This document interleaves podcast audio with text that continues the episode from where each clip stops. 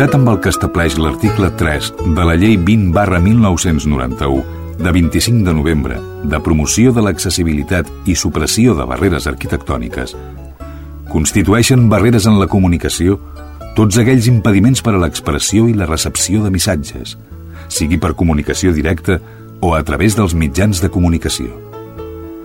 És per això que, emparant-nos en aquesta llei, volem que cada ciutadà gaudeixi del seu propi espai per moure's. Un espai sense censura.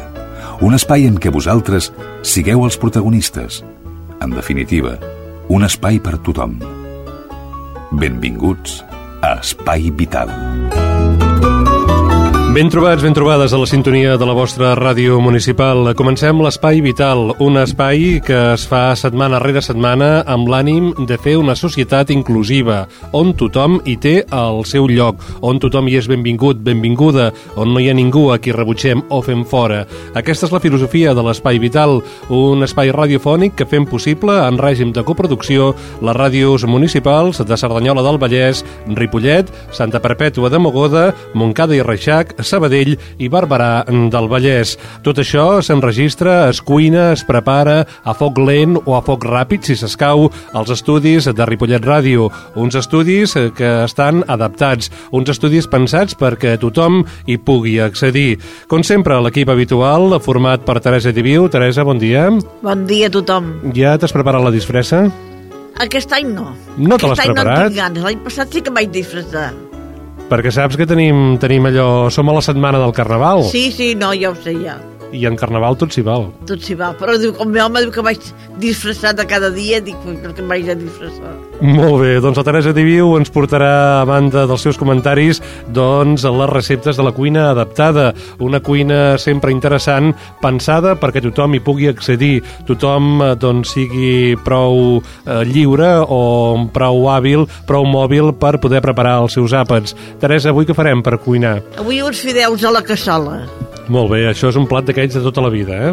De tota la vida, i és molt bo i econòmic. I calentet. Sí. Ara que fa fred, No, no, és per això que ja està tret i encara hem de menjar cosa consistent. Molt bé, doncs avui fideus a la cassola, tindrem l'oportunitat també de gaudir de l'amic Alfredo Ángel Cano, que ens portarà la seva secció del cercador. El tenim enllaunat, congelat, però nosaltres el que fem és posar-lo abans de començar a fer el programa, allò a temperatura ambient perquè es vagi descongelant i surti amb tota la gràcia que el caracteritza. En Jordi Puy és a les vies tècniques, com sempre, és el nostre, el nostre àngel de la guarda tecnològic perquè tot això que fem surti més o menys acceptablement a través de les zones de les ràdios municipals de la comarca.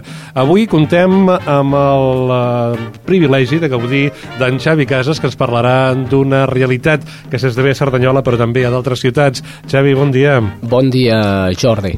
Avui, Xavi, en parlarem amb tu sobre un fet que ens agrada molt i és que la gent de Cerdanyola, però també de la gent de la comarca, és solidària. Suposo que content que la gent respongui quan se'ls crida a col·laborar amb iniciatives solidàries. La veritat és que sí, ja en parlarem després. Molt bé, doncs en parlarem després i el que farem també serà comptar amb la col·laboració de la gent de les ràdios municipals de la comarca que ens envien les seves cròniques. Tot això al llarg de l'estona que serem amb vosaltres en aquesta sintonia. Si us sembla, comencem.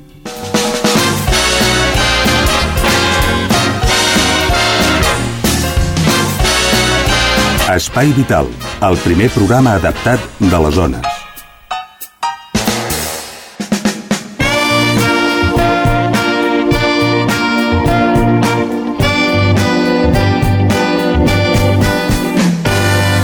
Avui a l'Espai Vital volem parlar del món de l'art i de la vinculació que té amb les persones que pateixen algun tipus de discapacitat. En concret, volem parlar de l'art, de l'escultura i les persones cegues. Per això ens acompanya via telefònica l'escultor de Cerdanyola, Salvador Manyosa. Salvador, bon dia. Hola, bon dia. En Salvador Manyosa és una persona motivada, una persona que s'ha acostat diverses vegades a les persones amb discapacitats i en concret a les persones cegues. I avui volem parlar amb ell perquè participa en un treball de divulgació de la figura d'en Josep de Togores. En Josep de Togores, bàsicament, va excel·lir com a pintor i en Salvador Manyosa el que ha fet ha estat fer tot un, uh, tot un diguem-ne, les tres dimensions a un dels quadres més significatius d'en Josep de Togores, a fer-ne, diguem-ne, la rugositat, la tercera dimensió. Uh, Salvador, com va ser que et van fer aquest encàrrec de donar volum a una obra, a un quadre? Tot va vindre a través de Josep Maria, el Xema, la Caixa de Terrassa, que volien un relleu, que exigia perquè la gent eh, no vident pogués veure el que nosaltres vidents veiem una pintura ells a través del seu veuen la, fi, uh, la figura o pintura de Josep de Togores. Ha estat eh, una experiència fàcil el donar volum, perquè de fet, clar, el quadre, el dibuix és en dues dimensions, tu has donat a la tercera. Eh, ha estat difícil, ha estat fàcil, has hagut de fer una aproximació eh, prèvia a la figura de l'artista per poder intuir com hagués estat aquesta tercera dimensió?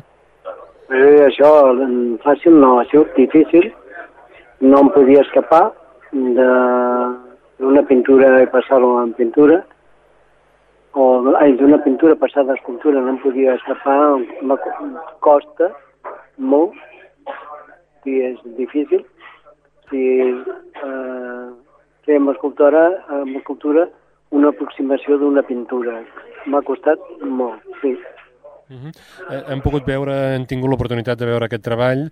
Eh, suposo que el test eh, principal és que l'hagin vist eh, amb els dits eh, les persones invidents. Eh, has passat aquest test, diguem-ne, eh, com cal, amb nota, persones cegues l'han pogut provar a veure si realment es feien el càrrec de com era aquesta pintura?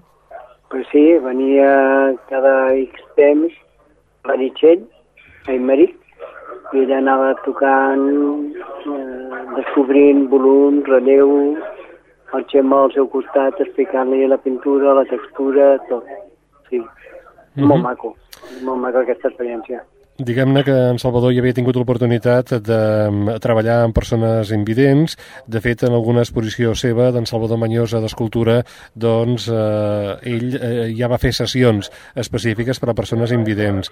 Suposo, Salvador, que tu com a creador, el fet d'obrir una nova perspectiva, que et diguin el que en pensen, el que senten, el que palpen les persones cegues, no sé pas si t'ha ajudat a, a millorar o a veure d'un altre punt de vista eh, complementari al teu treball com a artista pues, tens tota la raó. M'incentiva, m'ajuda a veure el, el món de l'escultura d'una amb una altra concepte, a través del tacte també, uh, a vegades modelo amb els ulls tancats, no, tota una sèrie de percepcions que mai havia tingut en compte i ara ja les tinc en compte.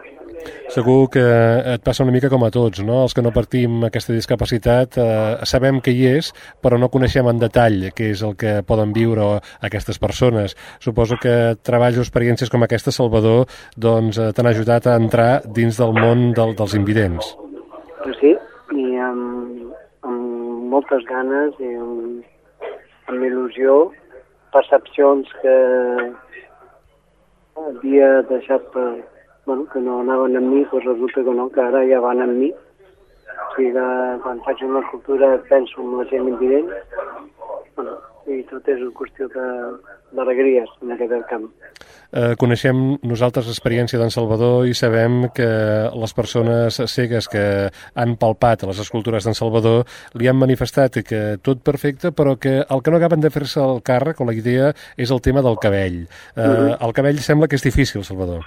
Sí, el cabell, clar, representar-lo amb una massa dura, pètrea, ells estan acostumats a tocar el seu cabell eh, i, i aquí és on s'entrebanca una miqueta a la persona invident, el cabell es col·loca.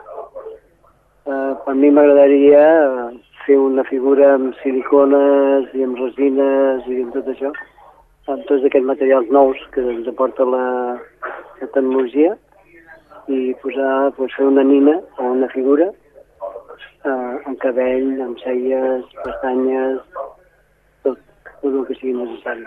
És a dir, en certa manera, buscar potser una combinació entre l'escultura tradicional, la més Sí, sí. tradicional del fang, amb, amb un treball o materials més reals, com pugui ser eh, aquest tipus de plàstics que pugui reproduir el que és el cabell.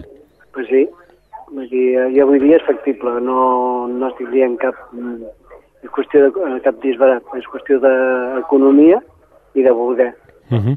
Està clar que en Salvador Manyosa és un d'aquells artistes a qui no li importa que li toquin les obres, a qui no li importa que li palpin les obres. No, no, no, és, jo, bueno, tu el que ho saps, és tonto el que no toca. Uh -huh. Però clar, vull dir, ara, ara ho comentem, ho diem, parlem d'una experiència, però habitualment, Salvador, tu com a artista, com a persona que consumeix art, saps que tot sovint, a la mínima que t'acostes a 3 metres d'alguna escultura, d'alguna pintura, ja ràpidament et paren. Vull dir, hi ha una mica um, una hiperprotecció de vegades respecte a les obres d'art, especialment també les escultures.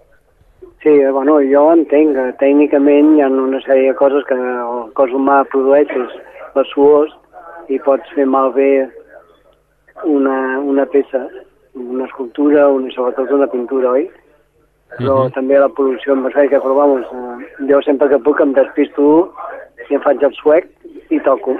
Molt bé, molt bé, perquè també el tacte, a banda de fer-se una idea de com pot ser un quadre, doncs eh, també en el cas de les escultures, específicament creades doncs, a banda de pels volums que presenten, el treball que presenten per eh, aconseguir rugositats específiques, eh, els cecs també les palpen amb, les seves, eh, amb els seus dits, eh, també et comenten com són, si són rugoses, planes, eh, suaus, eh, dures, eh, no sé, si fins i tot poden arribar a trobar colors o, o com poden ser aquelles escultures. Home, el color percebeixen per la calor que desprèn el, el, el, el, color desprèn calor i ells ho percebeixen. Després la textures, fredor de materials, tot això, bueno, tant tu, nosaltres com vidents com els invidents ho vivim.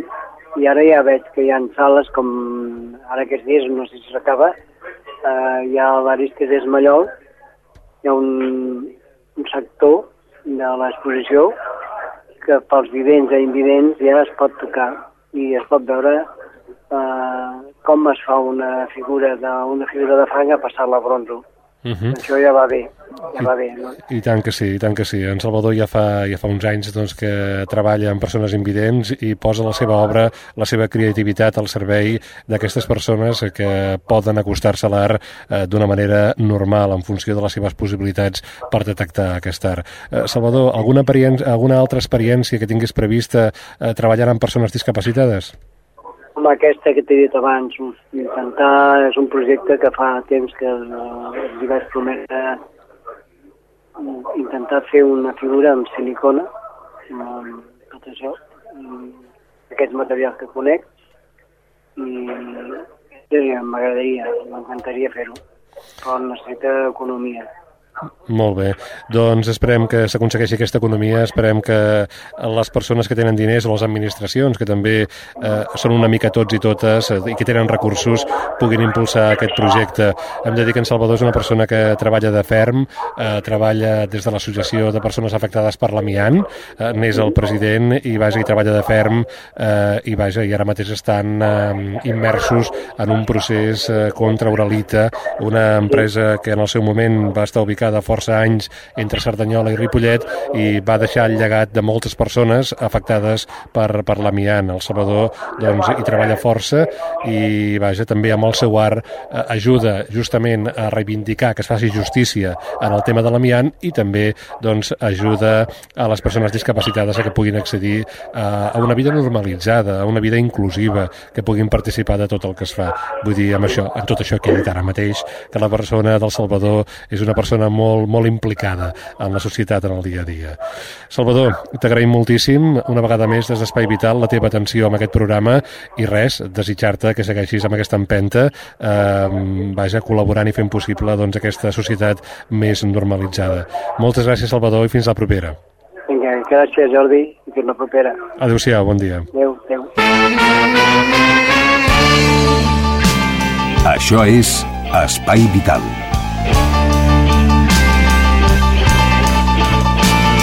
L'Espai Vital, un espai de ràdio inclusiu, un espai de ràdio on hi cap tothom i que avui està especialment content perquè s'acosta el Carnaval, aquesta setmana de Carnaval. Uh, Xavi Casas, bon dia una altra vegada. Bon dia. De què aniràs disfressat, tu? Sí, sí, és que no tinc veu. No, No jo, veu? jo no puc sortir al L'has Carnaval. perdut, l'has perdut, la veu. L'estic perdent, ja, ja no sóc ningú. Mira, mira, veu? Un carmelet, mira. Avui, avui estem descobrint que en Xavi Casas, a banda d'inspirar-nos, també és humà. Avui ha baixat al món dels humans Sí, senyor. per acompanyar-nos aquí a l'espai de ràdio i poder comentar una realitat que ens agrada, que a la gent d'Espai Vital ens satisfà molt, i és que la gent respon quan eh, se li proposa de participar en iniciatives solidàries o el que és millor, eh, diguéssim, decideix participar la gent en aquestes activitats. I eh, per què dic això? Doncs eh, per dues accions eh, que s'han produït aquests darrers dies. Per què? Per què ho dius? Per Vinga, què? doncs t'ho comento, t'ho comento. I per això t'he convidat avui al teu programa, que en Bé, definitiva bé, Espai bé, Vital és bé. el teu, eh? Bé. doncs, d'una banda, la gent que du la gestió del restaurant de la Casa d'Andalusia, Cerdanyola, Sí. eh, va decidir fer una rifa per Nadal Sí. i va decidir que els diners que en treia d'aquesta rifa els destinava tots a la Fundació Esclerosi Múltiple. D'altra banda, un perruquer de Cerdanyola, en Jorge Román, doncs també ha promogut una festa que s'ha fet a una discoteca de Barcelona i els diners van cap a la Fundació Esclerosi Múltiple i la tercera qüestió, doncs, eh, eh, es va produir la setmana passada, és ben calenteta i ha estat la dels monòlegs per l'esclerosi múltiple, el tercer certamen de monòlegs que es va fer a l'Ateneu el passat divendres. Eh, Xavi, molta activitat. Eh, suposo que deus tenir l'agenda plena perquè t'hem vist, els mitjans de comunicació t'hem escoltat parlant d'aquestes propostes. Estàs content, cansat, eh, satisfet de com va la cosa? Jo crec que és un entramat de totes les coses. És a dir, primer, estic cansat. Eh, eh, segon, estic molt nerviós. I tercer, molt content per eh, l'assistència de públic que vam tenir en el certamen de monòlegs. Era el tercer certamen i si bé no estava ple del tot, quasi bé estava al 100%. Llavors, un altre, anem a PAMS. Eh, la Casa d'Andalusia va fer una aportació de 302 euros, que la Mònica m'ho va remarcar, 2 euros, 302 euros, que va destinar a la Fundació Esclerosi Múltiple. I en Roman Peluqueros, mm, d'alguna cosa que van fer a Barcelona, també s'havia de recaptar uns calés per la Fundació Esclerosi Múltiple. Si s'han recaptat, no s'han recaptat i a qui se li han donat, no ho sé. Mm, amb aquest temps ja anirem trucant al Roman a veure què, què, què s'ha pogut recaptar de cara a donar-ho a la Fundació.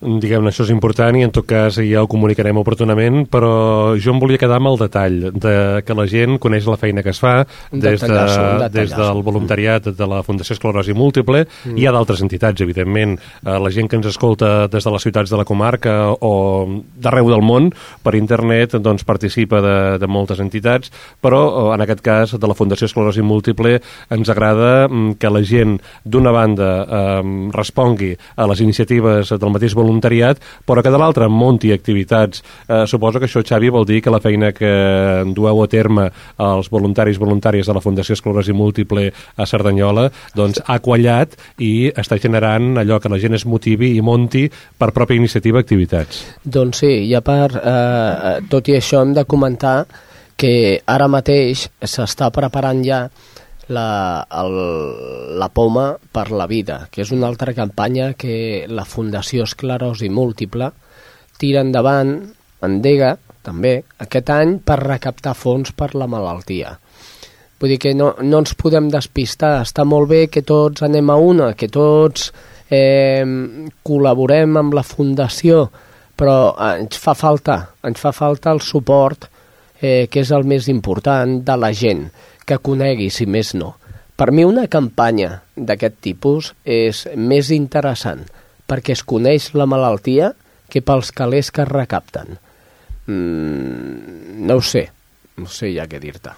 Sí, de fet són, sempre ho ha remarcat, o sempre tothom que munta activitats sempre remarca que d'una banda hi ha doncs, la difusió de la informació, que es conegui la malaltia, que es normalitzi socialment, eh, que vaja que la societat és molt diversa, la societat ha de ser inclusiva, tothom hi té el seu lloc, aquest és un lema, un lema d'espai de, vital que assumim totalment, eh, i de l'altra banda doncs, l'acció puntual que genera recursos. Eh, el més important és que el missatge qualli i que la gent doncs, eh, el faci seu. Eh, Xavi, tu ja fa anys que vas decidir encapçalar doncs, el grup de voluntariat de Cerdanyola, la, de la Fundació Esclerosi Múltiple i també Espai Vital. Has notat que mm, quan parles d'esclerosi múltiple o parles de malalties, la gent ja li sona aquest discurs? Perquè molt sovint és allò, no sap, no contesta, però tu has notat que la gent eh, ja sap d'acabar la cosa? Si més no, tots els que conec, com els hi menjo el cap tot el dia, que estic tot el dia, mira, doncs això va així i ara em trobo així o aixà i això és per la malaltia. Apunta tu que després t'ho preguntaré pel carrer. eh, de fet, sí, sí. Si notes, eh, es percep eh, eh, en el carrer, en el dia a dia, la persona a persona que vas coneixent, et dones compte que la gent mm, es fa càrrec d'aquesta malaltia, en, en concret de l'esclerosi múltiple perquè podíem parlar de 50.000 malalties més, però avui del cas de l'esclerosi múltiple la gent comença a saber, i dic comença perquè encara n'hi ha molts que no ho saben, comença a saber realment què és l'esclerosi múltiple. Altres sí saben que, que s'han fet campanyes per una malaltia que es diu esclerosi múltiple. Però el problema és que la gent encara no té clar què és aquesta malaltia, ni com funciona, ni quins efectes té, i qui, quins mètodes pal·liatius eh, utilitzen els malalts d'esclerosi múltiple i quins mitjans han d'utilitzar per anar als pobles, als pobles, per exemple, tu dius, és que hem, hem rebaixat una cantonada perquè pugui baixar una persona amb cadira de rodes. Està molt bé, però hem de rebaixar també les cantonades per la gent que, com jo, tenim esclerosi múltiple i que ens costa aixecar un peu eh, a l'hora de fer un pas. Eh, eh, encara no s'acaba de conèixer 100%, tot i que tots els voluntaris i voluntàries de la Fundació Esclerosi Múltiple a Cerdanyola ja ho estem fent. I, de fet, després de 3 anys, més o menys, no portarem, aquí fotent-li canya. No ho dic portarem perquè el Jordi també és voluntari. Aquí m'està entrevistant, però oh, és un altre voluntari. Doncs portem anys i, i, i anys intentant que la gent conegui aquesta realitat, tot i que recaptem fons per la malaltia. Uh -huh. eh, és important això que deies, aquest eh, fet eh, físic i visualitzable, que és rebaixar, per exemple, les voreres, perquè, per exemple, la Teresa pugui passar amb, el seu, amb la seva cadira de rodes o tu puguis circular per la ciutat doncs d'una manera més fàcil. I que la gent no deixi els cotxes a aquests puestos que nosaltres tinguem de passar-hi. Molt bé, I molt bé. Sí. Jo, jo, jo, de veritat, amb la Teresa la faria presidenta. molt bé, molt, molt bé, doncs que presenti, presenti candidatura. Que Però potser el, el rebaix que hem de fer és el del nostre cervell, sí. eh, és el més important, perquè una cosa és que veiem coses, escoltem, mm. sapiguem, però hem de rebaixar també el nostre cervell per a fer-lo, diguéssim, eh, perceptiu, que percebi la realitat de, de molta gent, de tothom que hi ha a les nostres ciutats. Des d'Espai Vital hem aconseguit, Jordi, eh, eh, que es faci un pla d'accessibilitat a Cerdanyola, que es faci un pla d'accessibilitat a Ripollet, que es dui a terme, a Barberà. Ja ha fet un pla d'accessibilitat i tot ha sortit d'alguna manera des d'aquí, des de les zones d'espai vital. Aprofitant l'evidentesa que ens acompanyes, eh, mm. sempre tenim present, Xavi, quan presentem el programa, suposo que ja ho saps, gràcies, sabem que ens escoltes, gràcies. quan no hi ets ens escoltes, eh, però vaja, aprofitant que hi ets, i tu mateix deies que eh, vius la malaltia de l'esclerosi múltiple, mm -hmm. recorda'ns ràpidament doncs, què és aquesta malaltia, potser hi ha alguna persona que ens escolta que no coneix aquesta malaltia, què és aquesta malaltia? La malaltia de l'esclerosi múltiple és una malaltia crònica, és a dir, que és per sempre, com a mínim, fins ara és per sempre. S'engega i ja no es para fins al final. És una malaltia discapacitant, és a dir, cada cop el teu cos va perdent mobilitat i segons mm, diuen els metges, els neuròlegs, és que eh, acabes aquesta malaltia anant amb cadira de rodes o tombat en un llit. Mm, bé, és una percepció que jo no comparteixo. Jo fa 10 anys que la tinc i encara estic caminant, no? I penso que la gent hauria de ser una mica com jo. La malaltia, en què, en què, en què es basa? Eh, L'esclerosi múltiple, l'efecte més immediat és perdre la cobertura dels nervis, que és una proteïna que s'instal·la als nervis i que seria igual a, a un cable de corrent que té la part de plàstic aïllant i la part de ferro conductiu. Doncs molt bé, nosaltres perdem la part de plàstic, la part eh, de la proteïna aquesta que dèiem que s'instal·la. I al perdre aquesta part de plàstic, dos cables quan es toquen fan xispa. Pues, en els nervis igual. Els nervis sense protecció, quan es toquen, fan xispassos. I llavors la informació del cervell cap a les extremitats, diguem-li peus i mans, eh, no arriba eh, amb la claredat que necessita una persona. És per això que quan fa molt fred anem caminant que semblem robots o que parlem atrabancades o, o que mm, jo que sé, que ja, ja els esfínters, per exemple, no, no els aguantem bé, per això, perquè la informació no hi arriba, si eh, et caga a sobre, per entendre'ns. Vull dir, en un moment donat et caga a sobre. El Xavi és una persona directa que no té pèls a la llengua. No, directa i clara, eh? Però és que penso No, que no, ha, no. ha de ser així, Jordi. Vull dir, a la gent no li pots dir és que, és que, bueno, me sale un poquito de cosita por aquí. No, t'has cagat, m'entens? Vull dir, t'has cagat perquè, perquè els esfínters no els podem regular, no, no podem tenir un control sobre ells. Igual hi ha gent que es pixa, hi ha gent que es caga, hi ha gent que té problemes eh, sexuals, eh, eh, això no es pot amagar. Hi ha moltes, moltes conseqüències d'aquesta malaltia que s'han de conèixer i que molt, moltes d'elles tenen una solució. No vol dir que tu caguis i no puguis arreglar-ho. No, tu pots cagar i pots tenir una solució per no arribar fins a aquest punt. Hi ha una sèrie de- d'exercicis que et diu un fisioterapeuta i que t'explica com, com s'han de fer per no tenir aquestes pèrdues. Vull dir, no, no, no és tan cruel aquesta malaltia si tu mires des del punt de vista d'una persona positiva, amb ganes i, i, i de lluita. Molt bé, doncs ens quedem en això, ens quedem amb la claredat de- d'en Xavi. En Xavi viu en la malaltia ja fa uns anys i, a més a més, ens agrada sempre, sempre ens ha agradat l'actitud d'en Xavi de tirar endavant, Bueno, perquè és positiu. de Clar ser que sí. positiu. I la persona que és positiva, anem endavant. Jo també ho haig de ser, perquè Clar, si no, clar. aniria enrere.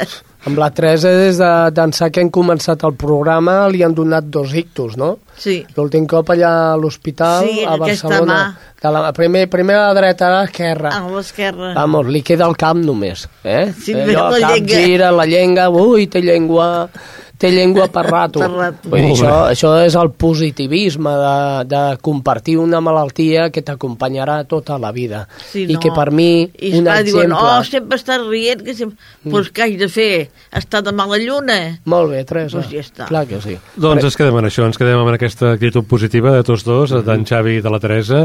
Destaquem també doncs, aquesta col·laboració i implicació del conjunt de la societat, de molta gent, en aquestes iniciatives que es llencen solidàries, tant amb l'esclerosi múltiple com en d'altres. Mm. Llegíem fa poc, per exemple, que la síndrome de Rett ja té una delegació a Montcada, eh, fa poc es presentaven a Cerdanyola, vull dir que s'estan fent coses i que és positiu, que una mica allò que és compartit, allò que és eh, d'una banda acceptat, eh, ells accepten la Teresa i el Xavi la seva malaltia, però també ho comparteixen amb tothom. I la, doncs, gent, I la gent que no la té l'ha d'acceptar que tu la tens.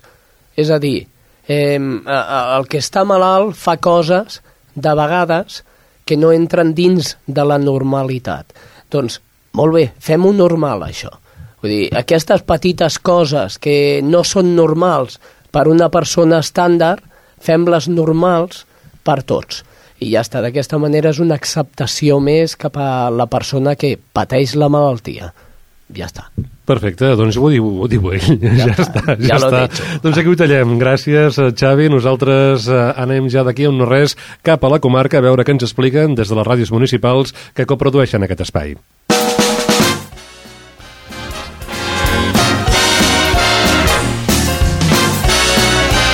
Espai Vital, el primer programa adaptat de les zones.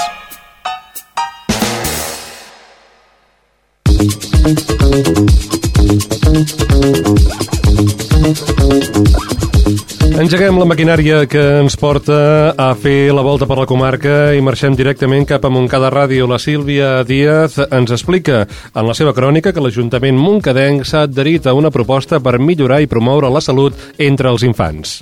Hola, salutacions des de Montcada a l'Espai Vital. L'Ajuntament s'ha adherit a un projecte denominat ZAU Salut Infantil, adreçat a promoure la salut dels nens i nenes entre 3 i 12 anys a través de l'activitat física i l'alimentació saludable. Tot plegat per prevenir l'obesitat en aquesta franja d'edat. El programa l'ha desenvolupat la Fundació ZAO amb la finalitat de posar fre la progressió de la prevalença de l'obesitat infantil a Espanya, un dels països del món amb la taxa més alta d'obesitat o sobrepès infantil.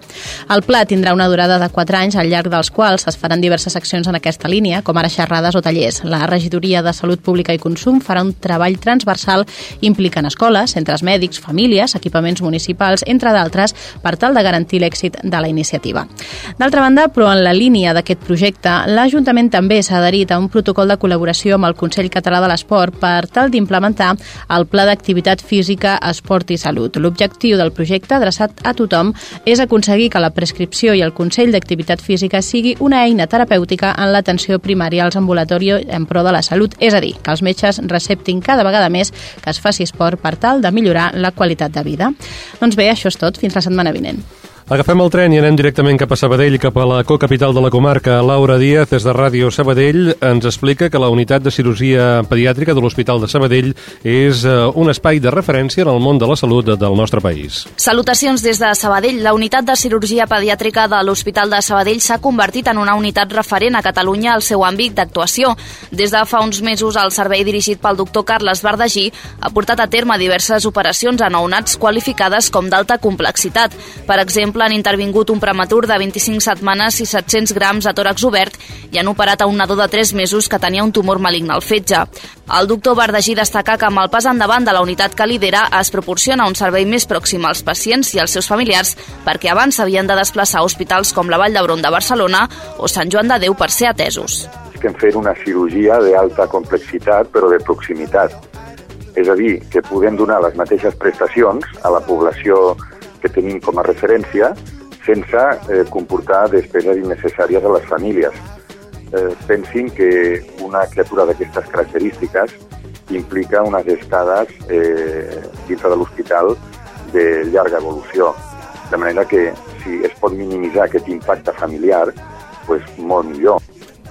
D'altra banda, la unitat de cirurgia pediàtrica del Taulí és líder a Catalunya i segon al conjunt de l'Estat en el tractament mínimament invasiu de pectus excavatum, una deformitat toràcica que provoca l'enfonsament del pit i que es dona en un de cada 400 nounats. Arriben de tot Catalunya, però també tenim pacients de Castella, d'Andalusia, tenim algun estranger també.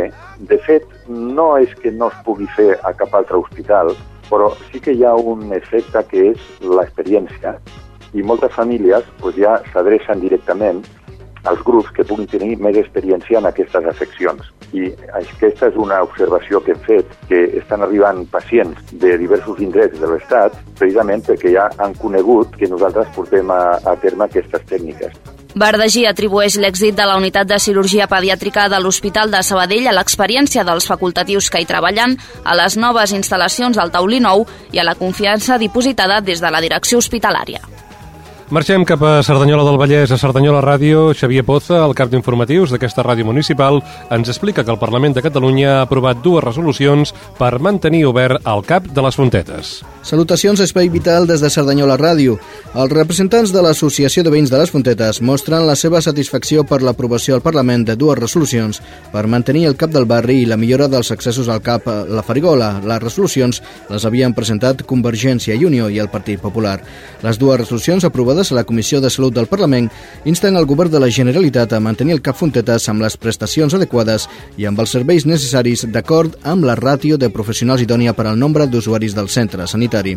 Els veïns remarquen que les resolucions garanteixen la lliure elecció de metge i centre en què ser atesos i també augmentar el nombre de facultatius al CAP La Farigola, incloent-hi el servei de pediatria. També contemplen la realització de les gestions necessàries davant l'Ajuntament per tal de millorar els accessos i les comunicacions en transport públic entre el centre de Cerdanyola i el barri de la Farigola. Per la seva banda, els dos grups que han presentat les resolucions han remarcat la importància d'aquesta aprovació. Francesc Sancho, diputat de Convergència i Unió, denuncia que els usuaris no han rebut un servei de qualitat ja que no s'han cobert les baixes dels metges els últims mesos, mentre Belén Pajares, diputada del Partit Popular, recorda el rebut social que va comportar la reorganització sanitària a la ciutat en l'obertura del CAP La Farigola. Els veïns consideren que l'aprovació al Parlament no s'hagués produït sense la mobilització social dels, dels últims mesos. Això és tot des de Cerdanyola Ràdio. Molt bé, està bé que el cap Farigola eh, arreglin les coses, però a la resta de caps del nostre país segueix faltant pediatres. Jo només volia dir això. Molt bé, innovant, innovant Espai Vital. Ara el Xavi ens comenta les cròniques Home, que ens envien els companys que... i companyes Però tu de la ràdio. et dones compte? És a dir, tu has provat d'anar a un cap a demanar un pediatre? Aquí a Ripollet no n'hi ha. No n'hi ha, no n'hi ha. El Xavi, per si vostès no ho saben, ha estat pare fa poc i ara viu aquest tema. Bé, anem, home. anem cap a Santa Perpètua. Estrella Núñez ens explica que l'Ajuntament de Santa Perpètua eh, inicia o promou accions per facilitar la mobilitat pels carrers de la vila. Hola, salutacions des de Santa Perpètua. L'Ajuntament de Santa Perpètua de Mogoda intenta facilitar el passeig de vianants i de persones amb mobilitat reduïda per carrers del nucli antic. En els darrers mesos s'han transformat alguns d'aquests carrers en carrers de vianants o de prioritat invertida. Aquest és el cas, per exemple, del carrer de Prat de la Riba, de Montseny, Santa Maria o un tram del carrer de Cristòfol Colom. Doncs ara, la regidoria de Via Pública instal·larà properament una quarantena de jardineres en aquests carrers que han canviat de fesomia i d'usuaris, ja que ara estan més destinats a les persones que als vehicles. Les jardineres serviran per delimitar l'espai per on han de circular els vehicles, sempre a una velocitat reduïda. Aquestes jardineres també tenen un segon objectiu, segons han explicat des de la regidoria de de via pública, que és donar color i fer més agradable el passeig per aquests carrers destinats als vianants. Des de la regidoria de via pública s'avança que també es canviaran les jardineres de la plaça de Francesc Macià, una plaça totalment de vianants, i les del carrer del Pare Rodés. Fins la setmana vinent. Ripollet Ràdio és representada per la Rema Herrera. Ella ens parla en la seva crònica d'una exposició que té un nom, diguem-ne, especial. Viatge a Tatinotropo, que vol dir oportunitat a l'inrevés. Quan vulguis, Reme. Salutacions des de Ripollet Ràdio. El passat 2 de febrer va tenir lloc la inauguració al Centre Cultural de la mostra Viatge a Tatinotropo, una exposició organitzada per la Regidoria de Polítiques d'Igualtat de l'Ajuntament de Ripollet, que tracta de combatre prejudicis i rumors sobre la diversitat. La mostra està especialment adreçada a alumnes de secundària i de l'Escola d'Adults i forma part del Pla de Ciutadania i Immigració del Consell Comarcal del Vallès Occidental. Maria del Mar Viera, regidora de Polítiques d'Igualtat, explicava l'objectiu i la dinàmica de la mostra. L'objectiu que es persegueix o que perseguim amb aquesta exposició és fomentar la presa de consciència sobre molts dels prejudicis i rumors que circulen a l'imaginari col·lectiu de la nostra societat. Per fer-ho, doncs, el que hem volgut fer és reproduir allò que una persona nouvinguda eh, eh, pot experimentar en el moment que arriba a una terra d'acollida. L'exposició així doncs s'entén com un viatge on el públic serà el viatger i bueno, eh, serà un viatger que arriba a una terra desconeguda i on sentirà rumors i prejudicis envers el grup de persones del seu municipi de procedència. A banda de la regidora de Polítiques d'Igualtat, l'acte també va comptar amb l'assistència del regidor de Cultura, Ferran Tornel, i la presidenta de la Comissió Informativa de Convivència Intercultural i Nova Ciutadania del Consell Comarcal del Vallès Occidental, Isabel Garcia. A continuació, Catrín Galaf, doctora en Educació i responsable de l'àrea de Convivència i Immigració de l'Institut Diversitas, va pronunciar una conferència. La mostra es pot visitar al Centre Cultural fins al proper 28 de febrer. I això és tot des de Ripollet. Fins la setmana vinent.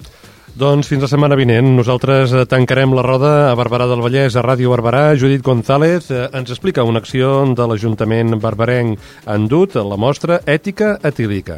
Salutacions des de Ràdio Barberà. Durant aquesta setmana, l'Espai Jove a la Roma de la nostra ciutat acull l'exposició Ètica Atílica. Aquesta mostra, organitzada per l'associació Energy Control, té com a objectiu prevenir els riscos del consum d'alcohol. Així doncs, es pretén sensibilitzar sobretot els joves respecte als riscos associats a un consum habitual i abusiu d'alcohol. L'entitat Energy Control està constituïda per un grup de voluntaris que comparteixen no només els coneixements dels espais lúdics i de diversió juvenil, sinó també la preocupació pel consum creixent que es dona en ells.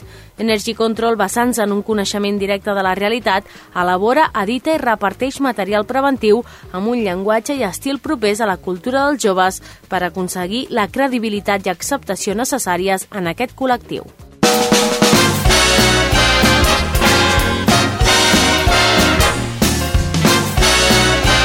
Espai Vital, el primer programa adaptat de les zones.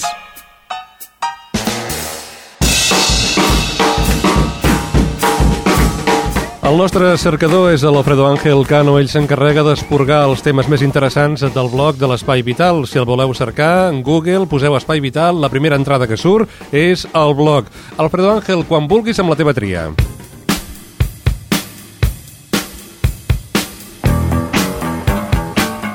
El 15% de los traumatismos oculares que se produce en España los sufren los niños.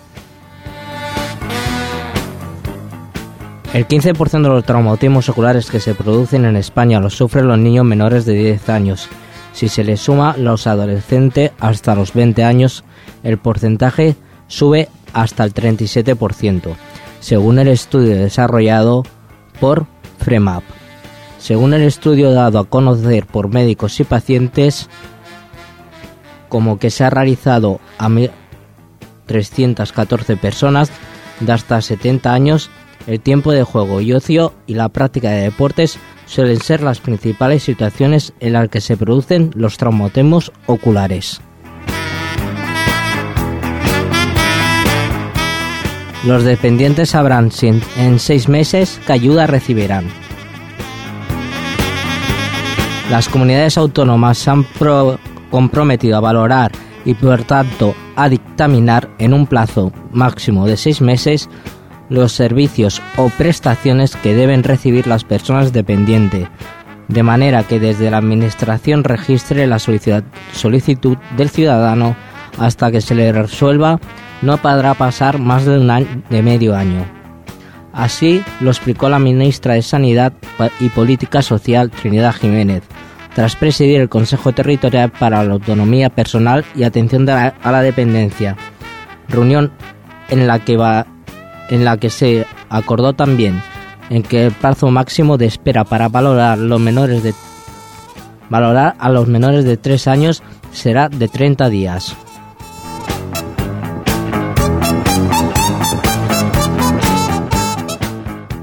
Estàs escoltant Espai Vital.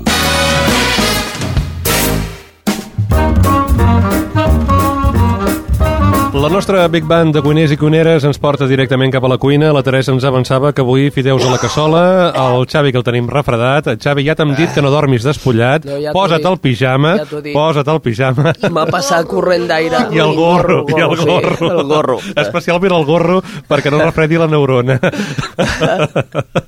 Una mala llet tenen aquí. Bon humor, llet, bon eh? humor. Home, jo era el que es deien sempre, esclar, has tingut un altre criu perquè dorms sense camisa, doncs dona. Molt bé, Teresa, si et sembla anem directament cap als fideus a la cassola. Va, Què hem de fer? Com ho fem, això? Mira, Ingredients. ingredients, eh? El Xavi sempre em fan recordar els ingredients. Home, és que si no... Com... Quatre ales de pollastre, Quatre. quatre gambes Ah, i 200 grams de eh, cloïses, molt bé. una ceba Sí. i un tomàquet, Mm. sal i oli. Ah, ja estava esperant, dic, no dirà la No, sal. no. Ja està, sí, ja, sal i oli. I un paperet de safrà. Comencem. Fregim les, les gambes. Una miqueta. Jo amb això ja en tinc prou. Després, bueno, jo he dit quatre perquè poso una per cada un. Si voleu posar menys, menys. Agafeu, no cal agafar d'aquelles grosses, d'aquelles petitetes per fer un plat senzillet per cada dia ja n'hi ha prou.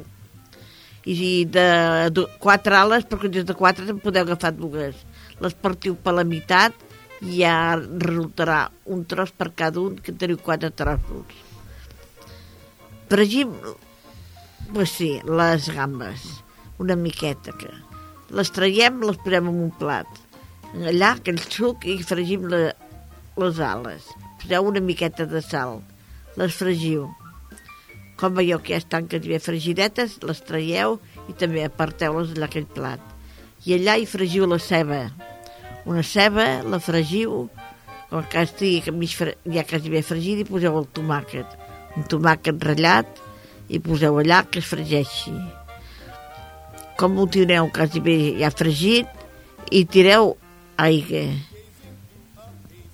que bulli allà un rato. O caldo de peix. Bueno, ja, ja, ja la Massa intens, com aquell de Teta Bric. Ah, això que mateix, saps? també. Ah. També, també, mm. això no hi havia tirat jo. Com Ah, que no, veus? no m'agrada gaire cosa de teta verit, jo no. No, bueno, jo ja veig que et faig falta, ja ho veig, perquè t'haig de recordar No, coses. A- Avancem, avancem, avancem. Avancem, va.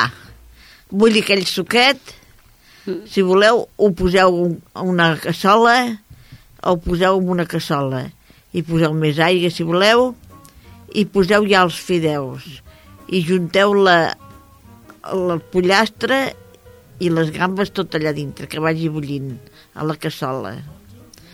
Quan tingueu tot això, hi tireu les almejes o les cloïsses allà dintre i, i els fideus. Poseu 200 grams de fideus. I tireu sal, i tireu un paperet de safrà, ho remeneu una miqueta, deixeu que es faci i ho proveu. Si està bé de sal i si no, n'afegiu. I espero que us agradi. És un menjar, doncs mira, plat únic, que no tipa massa, però mengeu-hi una miqueta de pa, un bon postre, allò, una fruita, un iogurt, i si podeu un vaset de vi blanc. I ja està. Molt bé, molt bé. Nosaltres marxarem perquè el temps se'ns tira al damunt. Aquí a la ràdio Sí, el, no. temps, el temps és or. Uh, Teresa, Xavi, moltes gràcies a tots dos per acompanyar-nos avui. A. A l'Alfredo Ángel, que el tenim congelat, el Jordi Puy, que el tenim a l'altra banda de la peixera. Algun dia el deixarem parlar. I un servidor, Jordi Jorba, aquí coordinant aquest espai que una mica segur fem entre tots, companys i companyes, també de les ràdios municipals. Uh, Dir-vos, d'una banda, anunciar-vos que el divendres, el divendres eh, dia dia 12, la gent d'Espassur representen una obra de teatre al eh, Teatre de Ripollet, al Teatre Auditori de Ripollet a les 6 de la tarda. I d'altra banda que marxem, marxem amb una peça musical d'en Ramon Sauló. Ell actua el dia 21 de febrer a la Sala Bikini de Barcelona dins de l'activitat, dins del festival Barnassant. Serà a partir de les 7 de la tarda. Recordeu que el seu, el seu disc, eh, Som així, publicat per Picap, el 5% de les vendes va destinat a l'Associació d'Afectats per l'Amiant, la qual cosa ens agrada. És un amic, sempre l'hem trobat quan l'hem cercat i ens agrada doncs recomanar la seva actuació. Marxem amb Estrelleta, Estrelleta. Adéu-siau.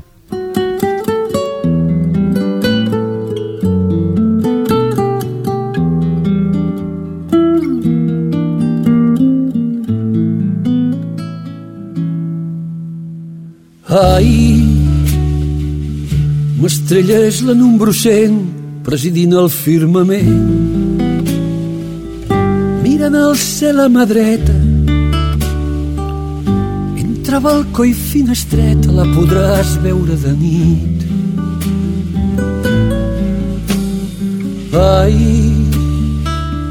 n'hi haurà d'altres més brillants, potser millors i més grans, però em fa goig sé que és la meva sé que quan ella es lleva les meves pors se me'n van. Estrella estrelleta cel enfebrit gresol dels poetes dels pobres i els rics. No faltessis mai del món somiador que ets l'únic mirall d'aquest trobador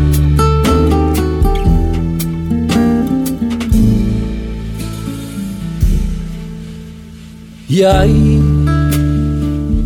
m'estrella em deixa parlar, deixa riure i plorar. I m'explica moltes coses que els camins no són de roses i que el cel molts cops no és blau. Ai, quina sort tenir un amic per si et cal consell de nit. Haurà però qui no et sap veure. I només cal voler-hi creure hi ha una estrella per tothom. Estrella, estrelleta, un cel enfabrit, gresol dels poetes, dels pobres i els rics, no faltessis mai del món somiador, que ets l'únic mirall d'aquest trobador. Estrella, estrelleta, d'un cel enfabrit, gresol dels poetes, dels pobres i els rics, no faltessis mai del món somiador, que ets l'únic mirall d'aquest trobador.